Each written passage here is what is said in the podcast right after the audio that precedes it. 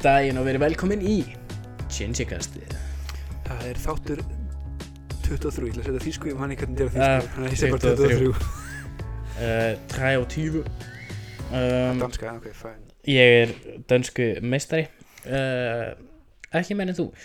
Uh, Já, 2003 þáttur og við erum að lifa á tímum jarðskjálta á höfuborgarsvæðinu En áður en við demum okkur í það mm.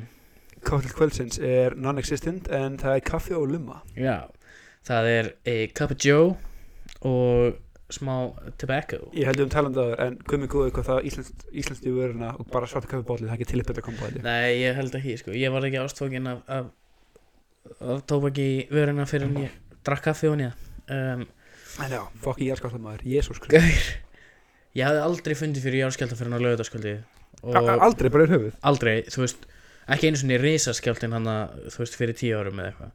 Ég man, ég var Já, ónefndum samilegum félag okkar mm. í grunnskóla þegar hann var og hann bjóð þriðja hæð. Og það allt í bara byrja alltaf fucking nötra. Ég gleymi aldrei hvað ég voru sko. Já, ég hérna ég nefnilega ég man að ég og litli bróða minn við vorum úti í fótbolta þegar þessi skjálti skall á. Já, og hérna þú veist, eins og maður gerði þá þú veist, þá var maður bara með þú veist, íþróttapokan í markinu skiluru og úlpuna og síman þannig að það var búið að reyna að ringja og ringja og ringja í mig maður hvort það væri að lægi með okkur og við bara, ha, það var jarðskjált ah, við tókum ekkert eftir því. Og hérna völlurinn sem við spiliðum á er, er hérna, ég man ekki hvort ég hafi einhvern tíma að fara með þig á hann, jú, öruglega það var hérna í salakverfinu í, í Kóbói bara akkurat hinum með það sem amma og afi búa. Já, já. Og þaðan eftir hét sá völlur skjálti Já, ég skil þig. Og hefur verið kallaður skjálti bara síðan. Og það var alltaf bara erum við ætlum út á skjálta í fólk og það bara vissu allir um hvað við vorum að tala. Þannig að það var gaman. Allræmdur öllur já.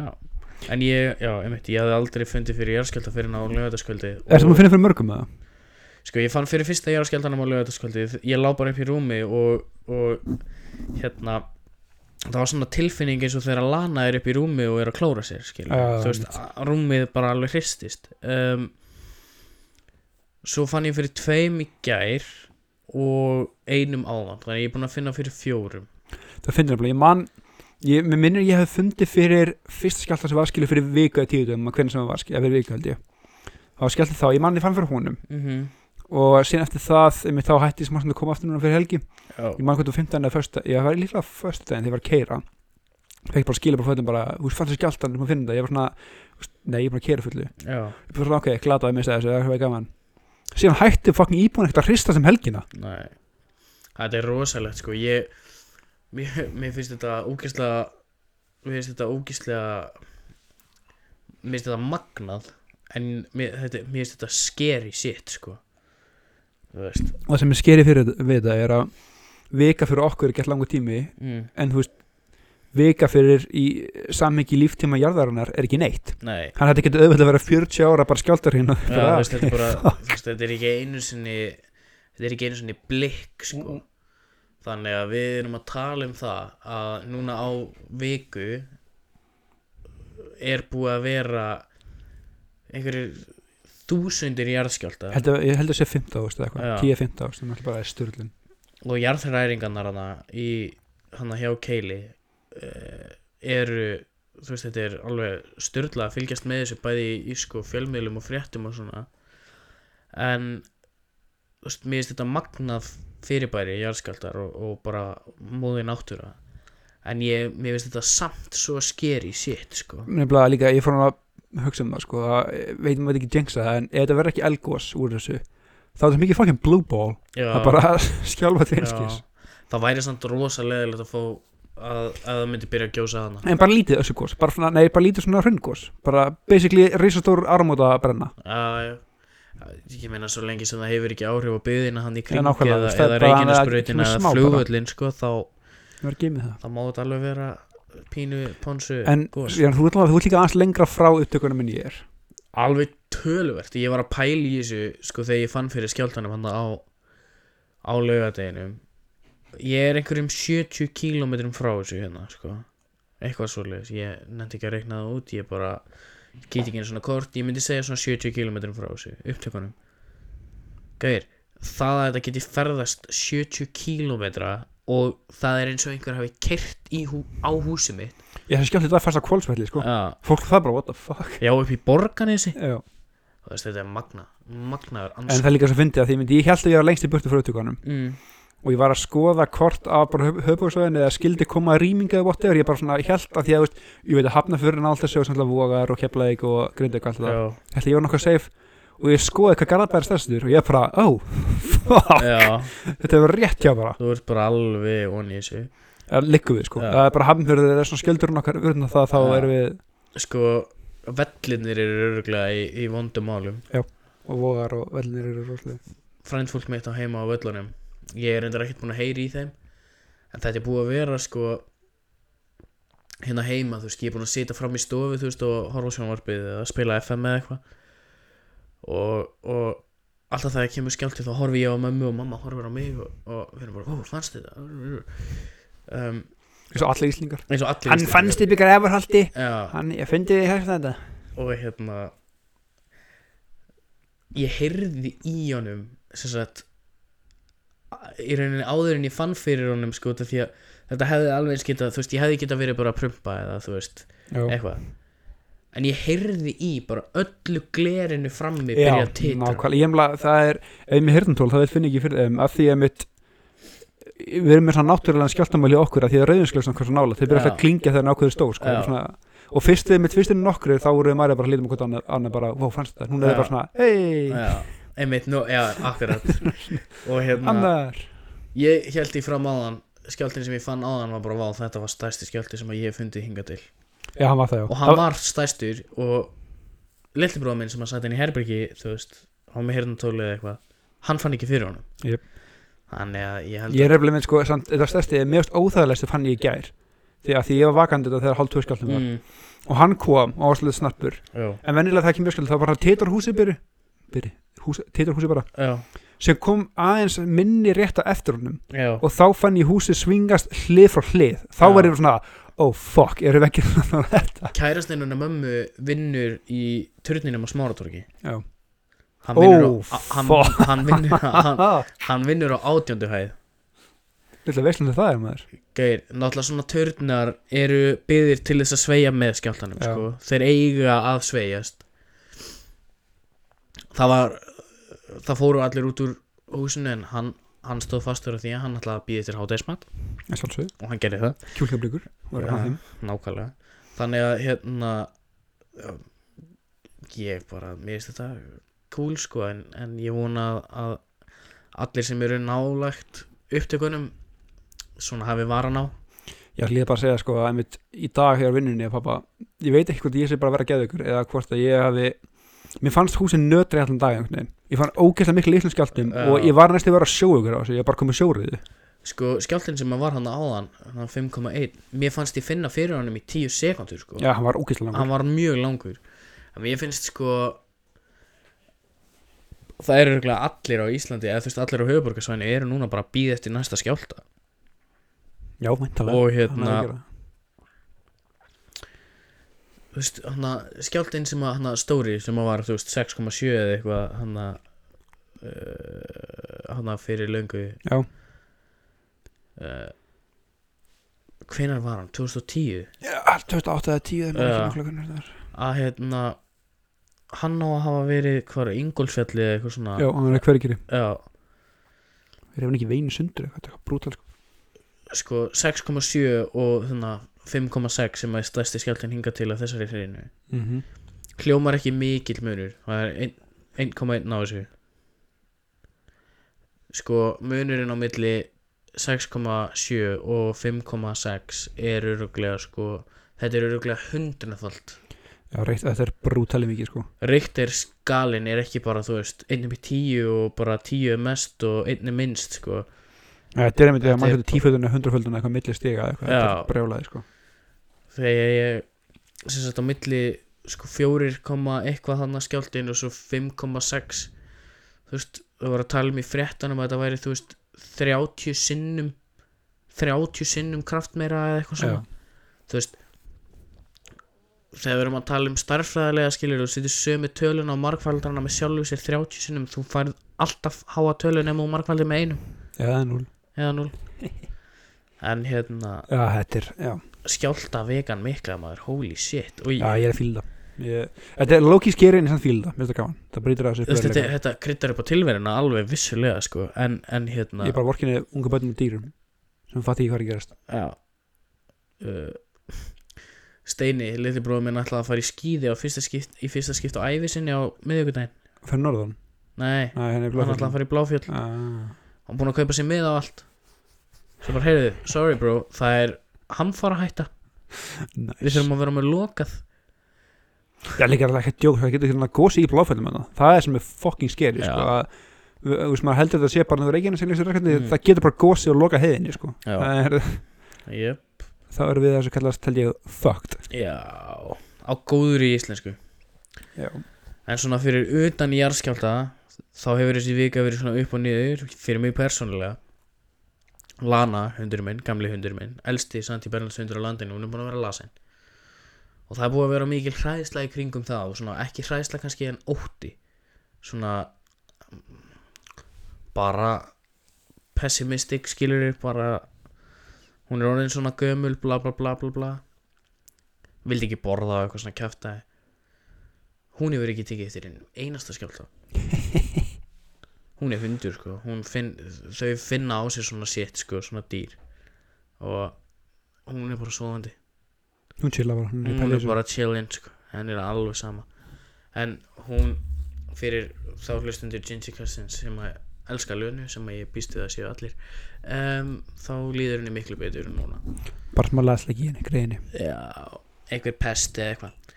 Um, Ég kerði austur á uh, austur á hveragerði um, sunnudagsmorgun í blindu Ó, oh, nice. Ég er með pínu svona PTSD varandi blindu og keira í hundu veðri um. eins og við höfum talað um já, eftir, eftir akureyrar draslið Ég varð ég varð svolítið skelkaður sko en það var samt gott að grípa þetta í, reynslubankan sko Mhm. og mér fannst ég vera miklu yfirvegari þú veist, ég var í svona konvoi þannig að þú veist, þetta var bara ok, stikur hérna, hægra megin þókuljós þarna megin ok, ég er góður. Jep. og hérna það var á leiðinni í hveragerði að heilsa upp á kolpana og svo á leiðinni tilbaka þá var bara ekkert. Þú veist, ég við stoppum í hveragerði í 30 mínútur, 40 mínútur. Þannig að við fórum austur á vestatíma og svo á leiðinni tilbaka þá var bara heiðskýrt líka við sko. Hún getur svo, heiðin getur svo fucking brutal, sko. Gauir, Bara þegar hvernig fyrir á hana. Er þetta ekki Holtaveri heiðin? Nei, hvað Hellisheiðin? Helliseiðin Holtar fyrir leiðin norður. Já, hún er, hún er ömuleg Nei, Helliseiðin er hún er treacherous hún er, Hún getur verið það, því að sko, þegar hún er heiðskýrt þá er ekkert að henni. Þetta er ógæslega gaman að kera hana á sumrinu þegar það er skýrt. En einmitt, þegar það er blindþoka eða þegar það er snúttamur, þá getur hún verið fucking martruð. ja, en er til betri tilfinning að fara niður af heiði sem er blind Bara neði kampana, það Já. oh, thank the fucking það lord. er bara besta tilfinning í heiminum sko, það er bara, "Vá, ok I live to fight another day Jep. það er bara það er svo fucking góð tilfinning Ég þarf að ræða við um eitt sem kom fyrir í vikunni. hvað er það? Ég þarf að fá þitt, skal ég segja þér álið hvort það ég hafa átt svona Karen moment. Öruglega. Fuck það. Sko. Þú ert alveg low-key Karen Hvernig er ég low-key Karen, Stefán Hannesson? segðu söguna þína, ég skal segja þér að svo eftir Mér það ekki sangjant, ég er alveg- ég vil í þessi anti-Karen. já, þú átt það alveg líka til sko Sko, ég var af, við Marja pöntum okkur á lögadaginn af ónefndum veitingastað á netinu. ok, Ég ætla ekki að nefna hann bara af því að mér veist þér að það tekist rosalega vel á þessu sem gerast.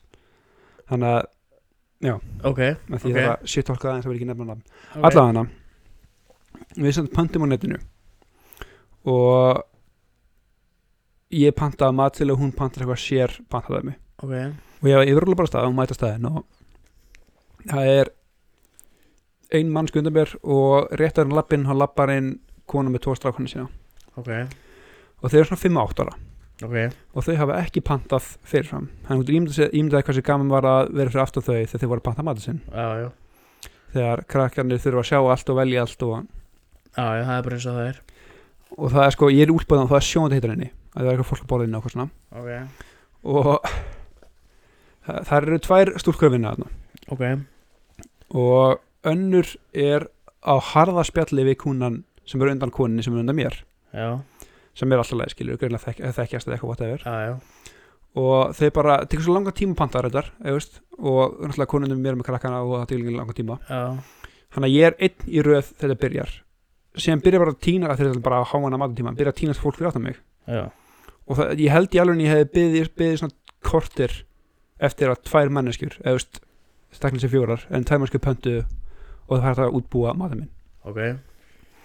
Síðan þegar manneskjana undan konu sem er undan mér er búin að Mhm. panta þá hefði maður haldið að svo sem er að afgræða hann myndi bara ok, það komið kannski tíma sem rauð fyrir aftan með þarna skulum fara að afgræða næsta. Eller nei, það fer að fylla fylla hýta þetta og fylla, þú veist, fylla á kassan og mhm, stúsast alls konar. Ég bara svona ok, af hverju, já, fæn, skiptir ekki máli. Kemur ekki við. Síðan að lókum kemur að mér og ég segi ok, herri já, ég pantaði það neturum og þá bara eins og ég sé að tala arabísku skil ég ekki hvað í gangi. Og ég segi bara já, ég pantaði þetta, þetta nafn, þetta númer og þá segir mér bara já, það er bara vandamála á appið, getur ekki bara pantað hérna? Já, já. Og ég bara, eh, þú veist já, já, ok, þú veist, ég get pantað mitt að þegar matsæðilegin, ég get ekki, ég man ekki pöntunina sem Marja pantaði, sko. Mhm, hann ég panta bara það tvöfalda skamta því sem var á matsælunum ok, og þau gera það og síni miðje ferlinu þá greinlega er eitthvað að tala saman og fatta einmitt að pöntunin, veit ég, segja að menn pöntunin hafi ekki borist og það hafi verið vandamál með appið sem við erum að nota allan dag. Þetta er svona ok, gæti kannski láta mig vita af því áður, aðja, ok. Og þau útbúða bara. Síðan þetta er tilbúið þá fara allir að spyrja mig okkur hvað er nafni aftur, hvað er númeri skilur og fara að skoða einhverja kvittanur og eitthvað. Og ég sagði bara, já, þetta er nafnið, þetta er númerið. Og ég er búinn að borga það, þannig að þú to their credit, þeir rukkuð mig ekki það eitthvað. Mhm, þegar síðan er tilbúið, þá kemur ljósið finna pöntunina mína. Og það er að útbúið hana og afhengt bara einhver annar manneski það frábært. Þannig að ég er þarna í sjóðandi heitu sjóðandi heitu búð í úlpu ennþá. Og það er svona, þetta er svona næst í þess að bímund þannig að eitt dropa ennina með sko leikandi niður. Já, og búin að vera 20 mínútur. Og frétti það að pöntunin sem við pöntuðum að, að, að hún var tilbúin og var afhengt annari manneskjöða ok þannig að þessum tímútu var ég orðin virkilega, virkilega, virkilega pyrraður en ég tók það ekki út á þeim. Nei, það rauka mig ekki, ég lit mig fá allt auka sem ég ætti að fá. Ég tók það bara, sagði takk fyrir og lappa út. En guðmyggur ég hef ekki verið svona reyður í langa tíma. Af því að sko mér er sama þótt sem fokkað minni pöntun. Já, það er alltaf læg, gott að blessa, það kemur fyrir. En af því að Marja var vaknið hálf sjö þannig að löðis morgun til að fara að kepla eitthvað þjálfa og hann langar bara þetta í kvöldmatt já, já. Þetta er svona, hann ok, þið fokkuðu upp fyrir mér, mm, það er alltaf læg þið fokkuðu fyrir henni og það er sem ekki fyrirgjáflegt já, Þannig ég kerði í svona kortir bara að reyna að róa mig niður og endaði því að keira á annan stað að samveitingastað og þá bæði maður að senda pöntunum og kipti það henni. Þannig ég ætla að þetta borga fyrir þrjármáltíðir af því að pöntunarkerfið klikka hjá þeim. mhm Ég myndi að segja að það sem nokkuð sterkur negotiating grunum til að vera pyrraðir yfir. Já, ég ætla alveg að gefa það gefa þér það að þú Karina er ekki þarna en hérna Sem kemur heim. já, Þetta er ekki búið. Og ég ákvaði að senda svona eh, kvörtun eða bara post á uh, tiltekna veitingastað. ok, og ég pass, ég vil menna, ég passaði mér rosalega að vera ekki bara, þú veist fokkið ykkur, ég ætla aldrei að borða þarna aftur ég tók ekki það, mm, ég var að reynda að segja eins skilmerkilega frá atbyrðunum eins og aftur stað, eina kannski það aggressífa sem ég gerði var að ég kapslokaði okkar máltíð, mm, þú veist, þau gáðu afhengt einhverjum öðrum okkar máltíð mhm, og ég myndi, ég taka það alveg skýrt fram, ég sagði, ég hótaði ekki aldrei að borða okkur aftur, ég, hótaði, ég sagði ekki að þetta var hinta endurgræðslega neitt. Mm, ég sagði þetta var bara ábending veist, þetta gerist. Mér veist ógeðslega óafsakalegt að svona geta ásett stað. Mm, ég, ég greipi við að skrifa, ég skil ekki hvernig þetta getur gerst. Ég bara hugsa sér ég skil alveg hvernig þetta getur Já. þetta er ekkert óskilunlega aðbörðu sko. En ég skrifa þetta samt og reyndi bara að hafa þetta mjög professional kurtist ish Já, en bara segja frá hvað þessu pyrrið var. Og ég fekk to be fair, það var það lögð en ég fekk svar strax bara núna að manns morgunin sko. Mm. og bara afsakaði þetta og eitthvað. Það sem fyndi við að ég samt sá svo strax ef þú veist, þó var, þetta var fullkomlega ásæðilegt að mínum að þetta, Mm. þú veist, kvörtunni mín. Og ég sendi mér tilbaka á það leiði bara, ég fannst stónulegt bara sorry. Mm. og þau segja að það bara verið skýtt og skemmnegt og allt fyrir ekki, mér leiði samt illa einhvern veginn að vera að fá endurgræsna þó að ég hafi verið í fullum rétti þarna að mínum mati, já, já. En þá er þú dómar Stefán, var þetta Karen, nú Nei, við ekki? Nei, alls ekki. Ég, hérna Ég er alveg hlindur því að, að fólk láti í sér heyra ef það er ósátt með þjónustu. Tala nú ekki um þegar að það er verið að, á veitingastöðum og svona. Þess að þú veist það er verið að útbúa fyrir máltíð og þú pantar máltíð á einhvern hátt eða þú veist eitthvað og, og þú veist ef það er ekki hægt að gera það rétt þá, þá hérna er það ekki nógu gott. Um, bara ég hef aldrei ég er alltaf næs stundum.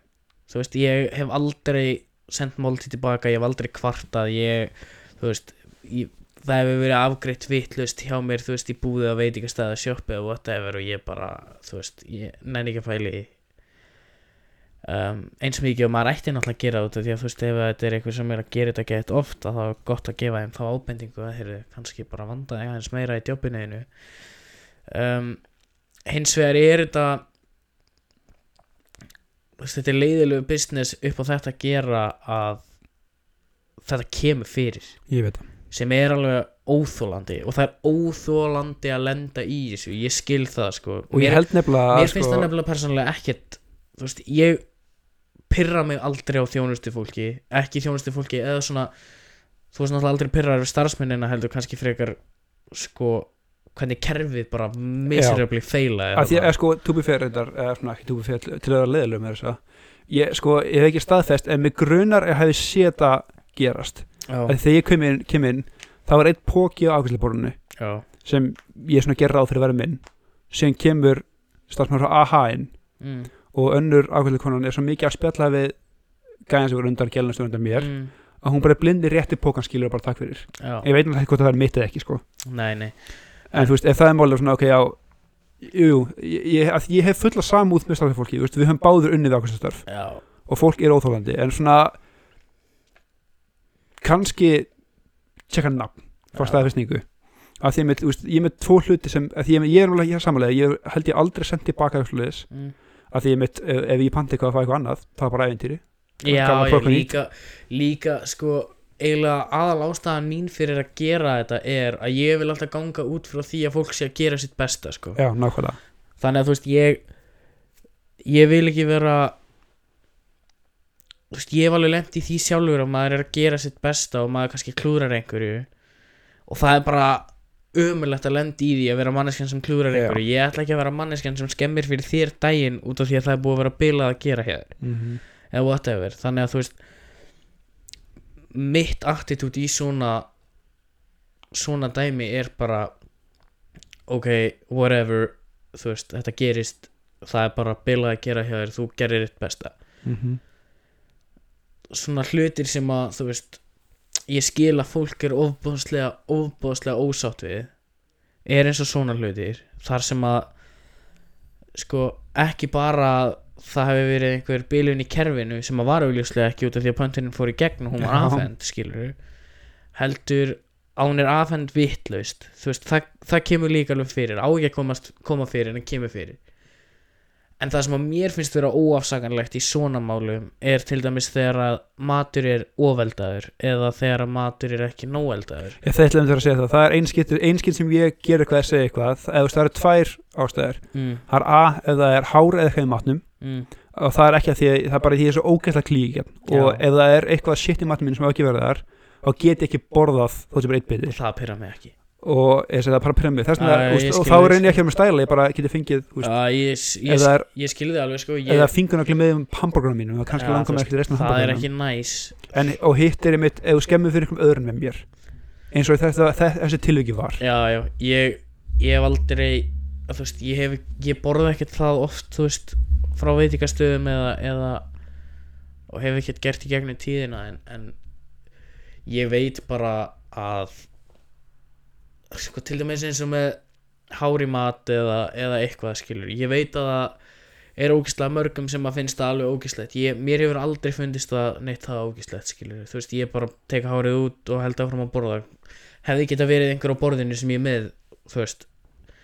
Ég er allt og líbú þegar það kemur að svona hlutum. Já, og ég er allt og næs stundum.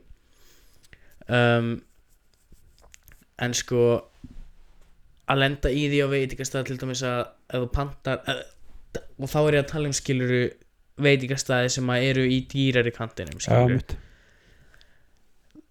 að þú ert að panta mat eins og steik eða eitthvað svona fínan dýran mat þá býst maður við því að það sé rétt. Og það sé já, 100% þannig að þegar ég segja ég vil fá steikina mína medium rare þá á hann að koma út medium rare skilur mm þá finnst mér vera kannski þó að heldun á kjöti sé ekki bíól endól skilur hvort þetta munurinn á rare og medium rare þú veist fyrir suma er ekki mikið mál. Ég hef aldrei lent í því að fá vitlisa steik en ég hef verið á borðið það sem hefur verið vitlis steik gefin og það er ekki gaman. Um, en svona sko óafsakanlega mistök í svona bransa fyrir mér er einmitt eitthvað svona bara sem að panta að mítið er- reyða að fara veldón til dæmis. Já, Það og er- líka sem að er eitthvað sem hægt er ógeðslega auðvelt að koma í veg fyrir. Eins og þetta eins og þessu sko. tilviki kannski. Og hérna ég náttúrulega vann hjá AHA í byrjun seinast árs. Og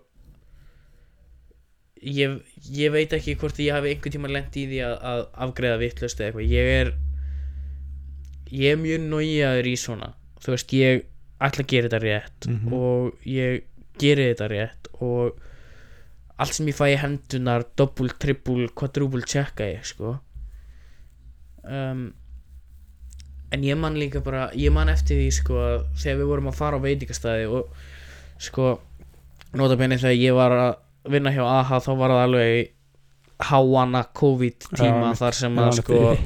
Aðal sýtti sem við vorum að gera var að fara með sko matvöru heim til fólks frá netto. Og hérna þannig að þú veist það var ekki jafn mikið um sko veitingastæðapantanir allavega ekki í mínum bíl. Þá og kannski myndi vera núna. En þegar maður fekk veitingastæðapantun og tala nú ekki um eða var þú veist heitur matur þá fucking er maður on it sko, þú verður, þú lest nafnið á pöntuninni sem þú fegst í síman þú lest hvað þau voru með hvaða gós þau voru með, voru þau með krydd voru þau með sósu þú veist hvað pöntuðu þau. Mhm. og ef það er ekki allt í pókanum þá ferðu tilbaka og þú færði allt í pókan skilur og allt þetta þú veist að vera bara kompetent og allt kerfið og ég veit að það er svoleiðis hjá AHA og það er ég vann hjá þeim allt kerfið er byggt upp þannig að þetta er failsafe sko þú átt, ef þú ert kompetent í starfinu þínu þá á þetta ekki að geta farið úr skeiðis þú Mhm. færð pöntun, þú hefur tíu mínútur til að mæta veitingastæðin og sækja pöntunina. Þetta er pöntunin. Hún á að fara hingað, þetta er nafnið á pöntuninni. Þetta er það sem þau pöntuðu. Skilur þau eru að búast við þessari pöntun þarna. Þangað á þessum tíma. Þú verður að vera með þetta rétt til, að, ef ekki þá er, þú veist, glemdu þessu bara. Jöp. og tala nú um þegar að veitingastæðinni sjálfur eru seinir á þessu eða eru að klikka á þessu. Að hérna eða double check ekki. Já, eða double check ekki þannig að þú veist, þetta er það verið mitt ekki en það var, þetta, var, þetta var mjög svona já, þetta skemmtilega 40 mínútur löðskvöldi þetta var er óþúlanda lendi í þessu og þetta er ógislega æ, svona já, mistök sem er ofbúslega auðvelt að koma í veg fyrir eða þú bara lest drasli tvisar, skilur en ég segi, þess vegna vil ég meina að ég hef tekið anti-Karen á þetta því ég drull ekki við neitt ég sagði ekki orð, ég sagði takk fyrir að labba út ef þú misti inn á veitingastæðinum þá hefur verið Karen en, en þú fóst þú fóst réttu leiðina að því líka þú veist, to be fair, já, hefði ég geta verið með pönturna með mér að sjálfsögðu, sindum skilu hvað pantað. Mm. það er alveg, þú veist, já.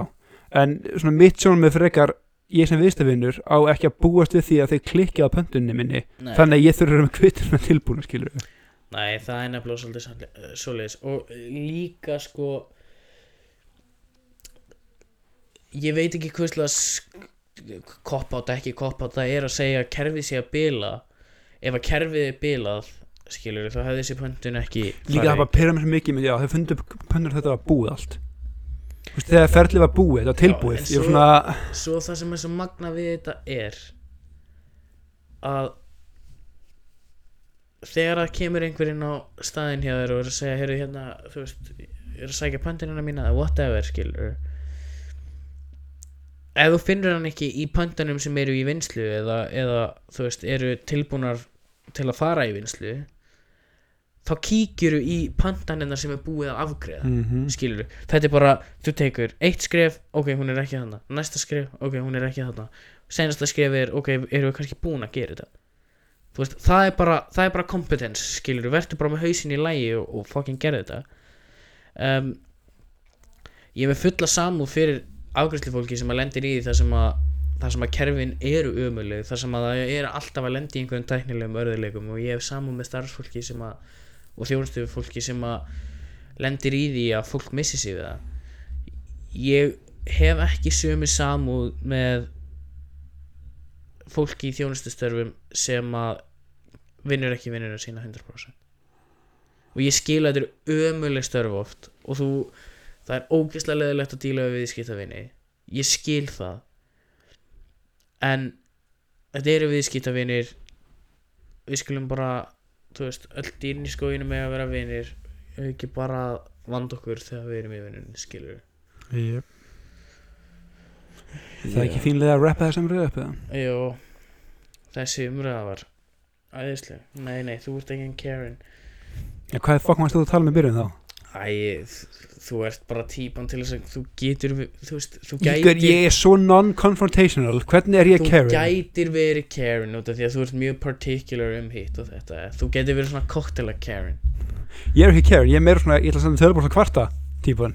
Já, já, Og síðan þegar ég er ef búinn að að Kar- ef að Karens kynna á tölvupústan myndu þau gera nei það og síðan leiði sendið það þá líður mér illa og senda annað fórstu byrst afsökunar á þessu. Já, Ég það er- reyndar, það er alveg ekki að bara, úps, fyrir ekki að ég ætlaði ekki að vera svona vondur við þig. Að vera svona corporate punching bag fyrir kvartanir skilur bara já, herri, senda annað post og vera aldrei lesin og síðan skrifa alveg postin. Já, en herri, við ætlum að vera með umræfnins þetta sem við klikkum bara á. Við ætlum að taka eins fyrir trúabröð já, í setjum við erum metnaðlust að fokki podcast. Það er alltaf svona, já, við ætlum að gera þetta sem 57, gera þú þetta?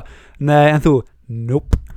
Nei, sko, ég held að við höfum báðir alveg valið afsakanir Ég held að, sko, mín vika er búin að vera svolítið hektik Bæði með þetta launudæmi og svo bara, þú veist, uh, ekki, ekki góð vika í vinnunni og svona um, ég hef enga ásökun, en þú veist. Nei, nei, en hérna ég náttúrulega hefði alveg geta gert eitthvað research en, en ég hugsaði líka sko fyrst að við töluðum ekkert meira um það þá hugsaði ég að við myndum sjálfa þetta aðeins út af því að þetta, við þurfum að vera með þetta rétt sko. Já, við ætluðum ekki að tala um trúabröð eins og við höfum talað um trúabröð áður við ætluðum að fræða okkur uh, um trúabröð og söguna kannski hans á bakviðu og hvað þau þýða og allt þetta bara kjaftaði. okkar skoðanir á þessu bara. um, ég meina okkar skoðanir á trúabröðum liggja fyrir þú veist við erum ekki ég er ekki hrifin að trúabröðum ég er ósammála en trúabröðum málið að þú varst trúaður ekki Jú. tímbili, hvað er fokkanum að því sko náttúrulega við maður reynir byrjum að horfa lúsför núna við erum komin á seri 2 geggjaðir fucking þættir sko. það var svona, að það kveikti pínum bara okkur, okkur ekki mynda, þetta? Er rúslega áhugaverð. Að þetta er ekki low-key fræðandi um sumt allavega sko kristintrúin sem kemur fram í Lucifer er æðisleg. Æðisleg saga, æðisleg skáltsaga út af því að allt þetta með þú veist Lilith og, og, og púkana ég, það er ekki til betri þýðing á demon heldur en púki. Um, þú veist, allt þetta með Lilith og demons og djöfulin og allt þetta, þú veist, þetta er cool og konceptið af helvíti eins og það er í Lucifer er ógislega cool. Já, við erum ekki alveg komið það land Nei, ég ætla ekki að spila En hérna Sko Ef ég segi bara örstuðt frá minni trúasögu sem að verður örugglega ekki örstuðt og við getum alveg rætt aðeins um það já, ég, ég er til í það sko, þú erum persónulega hliðina Um, hvað, hvað feldi þig? Sko Ástæðan fyrir því að ég var trúaður og, og var eins og ég var var út af frængu minni sem að var rosa trúður líka. Hún hérna hún heit Lóa og hún hún svona vorum oft í pössun hjá henni yfir helgar og, og, og fleira sko, hún var svona þriðja amman í rauninni. Og hún las fyrir okkur þú veist barnabiblíuna og fór með bænin með okkur og amma amma Gústa sem að dó fyrir næstu því nákvæmlega ári þú veist fór með mig í sunnudagsskóla og, og hún vildi alltaf að ég færi með bænina mínar og, og allt það. Um, en það var aðalega lóa og, þú veist það var allstar þú labbaðir inn til þess skilur það var allstar þú veist það var stytta af Jésu Krist skilur og það voru krossar út um allt og, og, og svona já bara mjög trúið kona. Og hún svona smitaði mig svolítið með því og fekk mig ekki bara til að trúa heldur að sko vera kristin, þú veist, lifa kristið. Af því litla sem ég vissi af því þá sko. Þú veist, ég las nýja testamentið og ég fór með bænir, þú veist, margóft á dag og, og hérna og þú veist, ég var bara mjög góður lítill kristinstrákur um, svo fær hún blóðtapa. Um, og bara í rauninni detti niður döð sko allt í hennu þú veist það var engin, engin fyrirbúðar eða neitt, hún var ekkert veik. Hún fekk bara blóðtapa í heilan. Um, og ég man þegar ég fekk fréttinnar hún deyr 2012 ég er 14 ára. Er, hún deyr bara rétt eftir fermingu og ég man þegar ég fekk fréttinnar að hún hafi sagt orðið fyrir þessu þá var ég rosa sorgmættur og ég fór að gráta og ég skildi, þú veist, 14 ára ég ég skildi alveg hvað var í gangi, þú veist. Um, henni var haldið lifandi í tvær vikur eða eitthvað viðbútt bara í öndunavélum og eitthvað og, hún hún var aldrei að fara að meika það sko. Ég man að ég bað til Guðs ég bað til Guðs að leifa henni að lifa ég bað til Guðs að vernda hana og ég bað til Guðs að ég fengi að tala við hana. Ég bað til Guðs að ég fengi að segja eitthvað við hana og bað til Guðs að hún fengi að segja eitthvað við mig. Um, ég hef náttúrulega, þú veist, ég er 14 ára ég er unglingur skilur, það eru hormónar það eru breytingar í gangi og þú veist svo deyr hún og ég man að ég er upp í sömabústað með mömmu og fyrirhandi manninum hennar og litli bróðum bróðum mínum Steina og stjúbróðum mínum. Og við erum út á palli á bústaðnum og við setjum hann að þrýr í röð og erum að þú veist skoða fótbollaspila eitthvað ég manna ekki alveg. Og mamma kemur sér satt til mín og segir mér að Alóa hafi dáið. Og mér fannst ég svo svekin mér fannst ég svo svekin af Guð og Jésu Krist. Og mér fannst ég svo svekin af trúnni minni sem að ég var búinn að tilenga mér. Mér fannst ég svekin af alheiminum í rauninni. Og það var ekki út af því að mér fannst ég vera eitthvað entitled fyrir einhverju kraftaverki eða neitt. Þetta var bara, ég skildi ekki hversu alvarlegt þetta var kannski. Þú veist því sem, það sem hún lendi út af því að hún var upp á spítala. Já, og það leiddi svolítið út í pælingar sko hvað er þetta gert það hérna? svona dýpri pælingar inn í trúabröð og sérstaklega kristintrú sem ég var búinn að tilenga mér. Að ef að Guð væri í alvörinni til hefðan hefðan hlustað á mig? Var hann að hlusta á mig kannski var hann að test your faith. Já já, ef hann var að því þá bara til hann ekki mér mistöðst um, ég, þú veist ég var bara bann og ég setti alla mína trú og all, allt sem ég hafði í þessar bænir í þú veist, ég grát bað. Ég grét þegar ég bað til Guðs í viku streitt skilur alltaf á kvöldin þá baði ég til Guðs. Alltaf á mótnana alltaf með tárin í augunum skilur bara please. Og á þessu tímabili skilur þá er maður að gangi gegnum andlegar breytingar og líkamlegar breytingar. Mhm. og eftir að hafa farið í gegnum það og hafa fengið svona mér fannst þetta vera pínu svona neitun að þá fór ég einmitt að pæla meira í þessu og fór að virkilega hugsa hvað hvað er á bakvið það sem við köllum kristin trú? Af hverju af hverju, er, af hverju var ég að þessu skilur, þetta breytti ekki neinu. Mhm. mér leið ekkert betur. Þetta var, gerði ekkert fyrir mig á þessum erfiðasta tíma lífsmins þá á þessum tímapunkti. Gerði þetta ekkert fyrir mig. Það eina sem að trúin hefði gert fyrir mig upp að því var að ég fremdist og fekk fullt af gjöfum. Um, og svo svona hægt og bítandi eftir þetta atvik þá fór ég að sko setja trúna í svolítið efa fór að efast um hitt og þetta sem ég las. Fór að efast um hitt og þetta sem að mjög var sagt.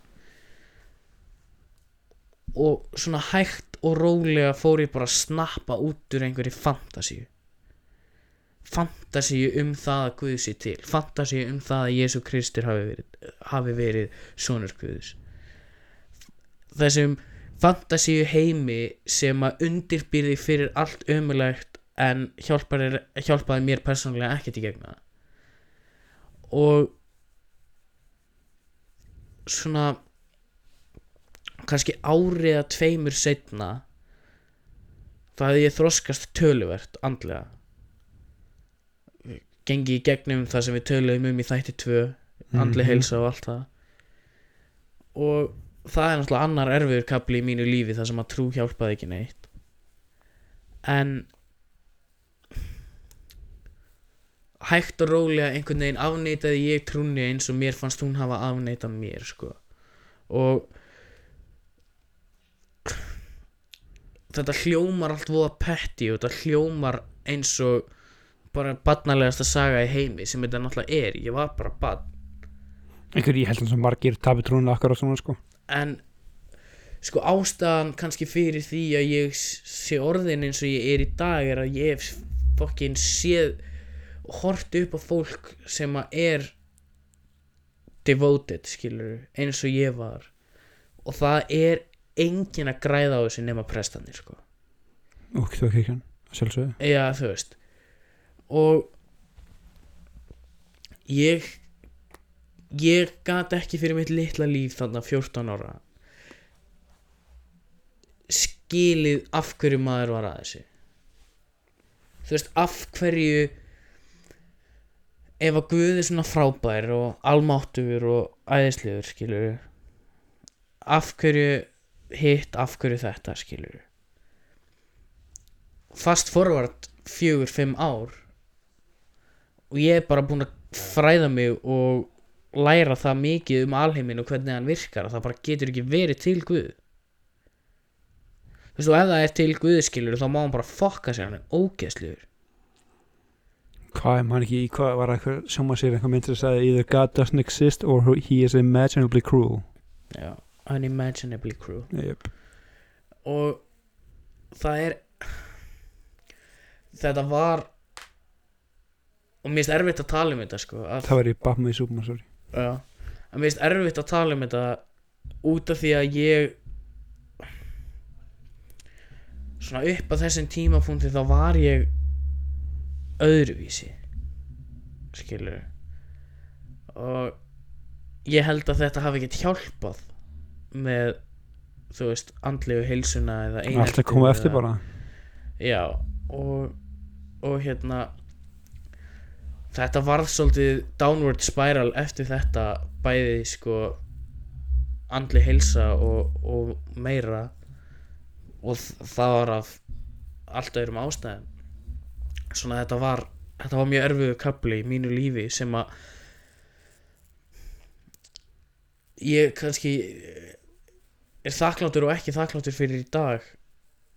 Út af því að þetta opnaði náttúrulega augun mín fyrir bara eins og ég segi hvernig heimurinn er í raun og veru og, og ég það er einhvern veginn alveg sama hvernig fólk hefur reynd að snúa því fyrir mér með trúabröð og aðalega kristin trú sko.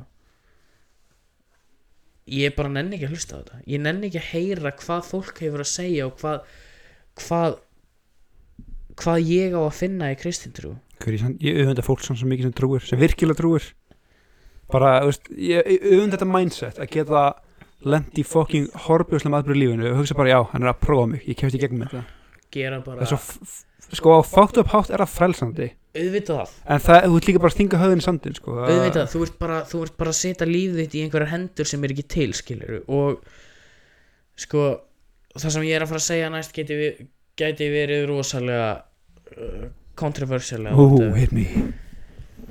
En mér finnst þetta að vera ofbúslega hátt level af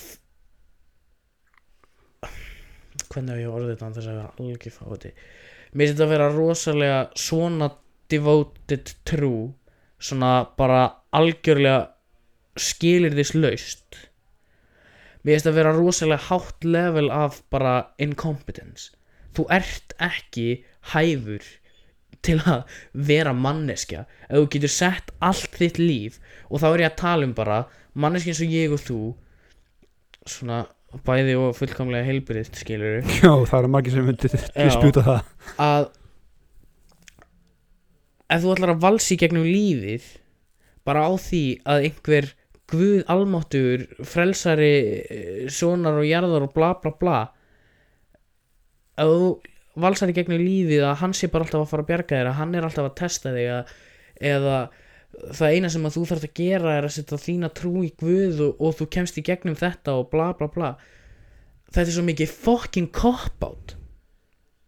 Skilur ég samvælega vissuleiti með þetta, já. Út af því að það er svo ofbáslega mikið sem kemur út úr þessu sem að mér finnst vera sko ábyrðalessi þú tekur ekki 100% ábyrð á því sem þú gerir. Þú tekur ekki 100% ábyrð á því sem að kemur fyrir þig skilur það er alltaf bara Guð er að prófa mig eða, eða Guð kemur mér í gegnum þetta. Hvað meinar þú, komt þú þér í gegnum þetta? Sko ég samvælega með það að mér veist ofta tíðin vera þannig að þegar þú ert rúslega trúið þá ertu svolítið bara, já, vill ekki taka ábyrð á eigin lífi, sko, en neytar að feysa það að hræðileg hluti geta gerst og það er engin ástæði fyrir því en síðan aftur á móti eru bara mannenskir sem neyta að horfast í augu verulegan, skilur, vilja, vilja frekar trúa þessi ástæði fyrir því, eða kannski auðveldur með að lifa trúandi þessi ástæði fyrir því? Þú veist, eins og ég hef oft sagt þá ber ég fulla virðingu fyrir fólki sem að trúir. Ég ég, ber sko. ekki fulla virðingu fyrir fólki sem að trúir blind. Blind trú er stór hættuleg Hva, hvenær ætlar að taka ábyrð á lífinu? Þannig var Jonestown já, hvenær ætlar að taka ábyrð á lífinu þínu? hvenær ætlar að líti eigin barm og hugsa hvað þú hefðir geta gert öðruvísi? Eða hvernig þú hefði geta komið fram öðruvísi? Eða hvað þú ert að gera fyrir sjálfa þig og þá sem er í kringu þig? Ekki bara alltaf að horfa til Guðs. Og eins og ég segi þú veist fyrir suma þá getur þetta hljómað óbáslega mikil bara eins og ég sé ógislega full út í eitthvað sem ég er kannski. Já, En- ég svona, fólk sem hlusta á þættinu skinni kannski þema hérna. Já, en sko að eins og ég segi, þú veist þetta hljómar kannski fyrir mörgum eins og ég sé bara algjör dickhead og ég kannski er það. En ég vil meina að fólk eigi að taka ábyrð á einn lífi og ég veit að það eru til sko það eru miljónir, hundruði miljón manna sem að stunda kristintrú og tilenga sér kristintrú sem að gera nákvæmlega það. En ég er kannski frekar að tala um hann hættulega minni hluta. Það er bara á við um allt saman bara kannski algjörlega svona- bara, bara á öll trúabröð alveg sama einhvern veginn hvað það er. Þá ætla ég að renna hjá þér svolítið kannski controversial point af því að mér sko mér svo fyndi ekki að fyndi fyrir alltaf að því að þín svona eða sögum þetta origin story mm. með þetta hún er svo þver auðvitað mína að því einhvern veginn bara frá unga aldrei ég bara kefti þetta aldrei einhvern veginn Nei. að þú veist amma og mamma og sýstum minn all, alltaf það var alltaf að, að því að Marja var svipað að þú skilur að þegar hún var yngri var hún rosalega duglega að byggja og svona sko Mm. mm. bænunar og ég var alltaf látið henni gera þetta að alltaf þegar þú veist, mamma var að segja mig eða amma kom í heimsögnu alltaf var henni bænunar sé bara einhvern veginn nefndi þess aldrei veist, þetta var ekki það, ég trúði þess ekki eða, veist, efast um þetta, þetta var bara þegar ég var einn og nefndi ekki hann bænin, nefndi ekki með hendunum upp og segja einhver fucking orð einhver kannski hlustaði ekki á mig. Mm. en það sem mist alltaf áhugavert er að það er oft þegar að ræðum úst vísindi versus trúabröð Mm það er alltaf að pitta þessa saman. Já, það sem ég kannski skil og skil ekki er ég skil ekki akkur þarf þetta alltaf að vera at odds, akkur þarf þetta alltaf að vera móti hvort öðru. Ég skil, ok, leið mér að clarify hérna Veist, þegar ég var að tala um hvað jörðin er gömul já, þá á þetta ekki við, það sem ég er að tala um. Næ, ég er meira að tala um akkur þarf alltaf að vera ef vísin eru til þá getur Guð ekki verið til. Ég er ekki að segja trúa Guð, næ ég er bara reyna að finna eitthvað middle ground innan skil, veist, en af hverju er þetta alltaf ekkert óvila ég skil hvað meinar. Það er það getur það, það geti verið að sé eitthvað óvila búið að út af því að vísindi eru til þá Guð ekki til, mér veist það vera ekki, það er ekki góðast það Þú getur ekki bara Guð bjóti Big Bang og allir er glæður og nú getur lifað í hafingu sem í lífi? Um, hérna kannski var það Big Bang bókstala Big Bang. Mm, við erum öll sæði Guðs. Já, þetta er soundbite Ginger Cassins við sko við sem manneskjur eigum það til að að kaupa nýjustu söguna sem okkur er sög um, Mæntalega. Og sko þegar það er verið að tala um trúabröðu versus vísindi þá finnst mér gaman að segja það að, að annað eru skáldsögur og hitt eru rannsóknir og cold hard facts. Sem það er vissulega að miklu leiti um, en ég skil hvað meinar varðandi varðandi það að það sé alltaf verið að setja þetta upp á móti hvort öðru um, mín persónlega skoðun á því er að út af því að vísindi eru eins og vísindi eru það sem þau geta sannað og það sem þau geta afsannað að þó að það sé þó, þó að þau sé eins og það eru þýðir ekkert endilega að það sé ekki til Guð það sem að segja mér að það sé ekki til Guð er að það er ekki til Guð. Skilur við og sko og svo náttúrulega bara þetta er bara mín skoðun, þetta er mitt take á þetta. Algjörlega, þú veist, verið þið ósamála ef þið eru ósamála, þú veist, mér er alveg sama. Og mér finnst gaman að heyra sjónarhótt fólks bæði á trúabröð og aðalega frá fólki sem að sem að trúir. Og ég veit ekki hvort hún muni hlusta á þetta eða ekki en fyrirvændi kærasta mín var með rosalega skemmtilegt um, sjónarhónd á þetta. Hún hún trúir Guð að trúði allavega, ég veit ekki hvernig staðan er á því í dag. En þegar við vorum saman þá trúði hún Guð og það er engin dílbreykar fyrir mig skilur, þú trúir Guð þá trúir Guð. Ekki reyna að á hann í kóki á mér en ég spurði hana einhvern tíman af hverju trúir á Guð skilur hvað hvað gefur það þér? Hvað gerir það fyrir þig? Og hennar ástæða var svo að hún vill bara, hún vill bara ekki trúa því að þegar við deyjum í þessu lífi að það sé ekkert eftir á. Og það var eina ástæðan sem hún gaf. Að hún hún vill ekki trúa því að þegar þú deyrið þá ertu bara búinn þá ertu bara finnst það farin. bara líka bara mjög fair point. Mér finnst það mjög fair point og mér finnst það mjög skemmtilegt sjónarhóðn á þetta. Og þú veist, full virðing fyrir það. Og það er svona og þe- þetta er eina af mínum uppáhalds ever skiluru svörum við þessari spurningu af hverju trúir um, en hins vegar eins mikið og ég reyni og vil bera virðingu fyrir öllum trúabröðum, öllum sem að stunda trúabröðu, öllir sem eru tilengaðir þá er ég mjög erfitt með það í mjög mörgum tilfellum og það er kannski Ó, mjög, mjög greinilegt. En já ég sko Við þurfum að taka field trip til í kirkju. Eða við veistu þetta ekki. En mér finnst bara svo mér finnst líka bara svo skrítið þú veist að pæla í því að þetta er bara eitthvað fucking sko biblían er bara eitthvað eitthvað samansapnað einhverjum versum og skáldsögum sem að var svo bara hent saman í eina stóra bók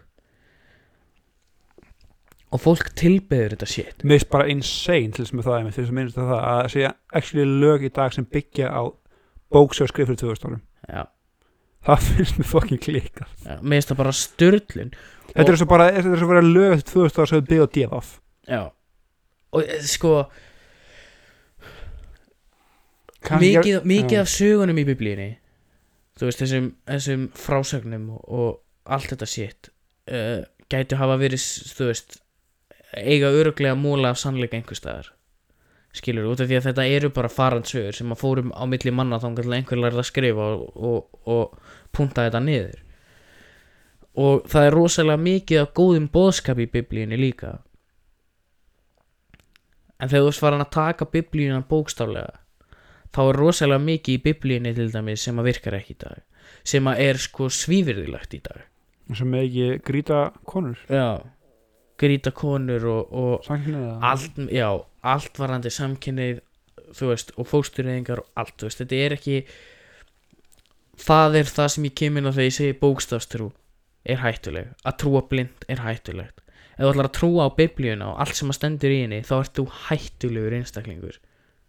Út af því að þú getur haft áhrif á líf fólks sem að koma þér ekkert við bara út af því að þú ákvæmst að trúa blind á einhverja bók. Það er líka allt, já, mér, það er pointið mitt, sko, fyrir mér allavega að mér er saman hvað þú gerir mér er saman hvað þú trúir svo lengi sem þetta ekki að skada eða hafa neikvæð áhrif á lífan Algjörlega, það er bottom line Gerðu það sem þú vilt Vertu það sem þú vilt. Svo lengi sem að það er enginn í kringu þig eða enginn annar sem að uh, verður fyrir einhverjum neikvæðum afkustum af því.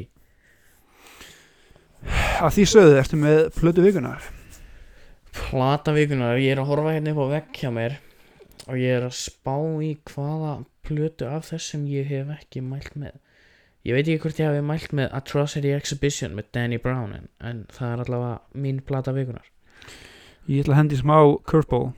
Eins og vanalega. Gasanova með Young Gravy. Casanova með Young Gravy. Hvað ertu búin að vera á okkur svoleiðis kiki? Low-key, já, Ah. við erum að að finna eitthvað alternative. Respect, respect. Já, Atrocity Exhibition með Danny Brown og Casanova. Gasanova með, Gas, Gasanova Gasanova. með Young Gravy. Eru Gingikast plötur vikunar? Við komum aftur í næstu viku. Svo, þetta var svolítið pressing þáttur, að er svona Já, ég, ég er svona veit ekki alveg hvernig mér líður eftir að hafa komið þessu frá mér. Þetta hljómar öruglega svo Já, við, rosalega að, við hellum ykkur næst þátt. Við viljum bara vera lit þegar hann upp hérna, þetta hljómar allt öruglega alveg rosalega depressing og rosalega barnalegt í eyrum margra, en mér er alveg sama. Já, as opposed to allt annars að segja um þessu podcasti. Við ætlum að vera svo háfræðilegt og að þetta er kannski meira þetta er kannski meira svona eitthvað sem að fólk geti haft alveg skoðanir á. Já, og, og ég veit Og ekki ef þið hafið skoðun, um, haldið fyrir ykkur, okkur alveg sama. Tjók.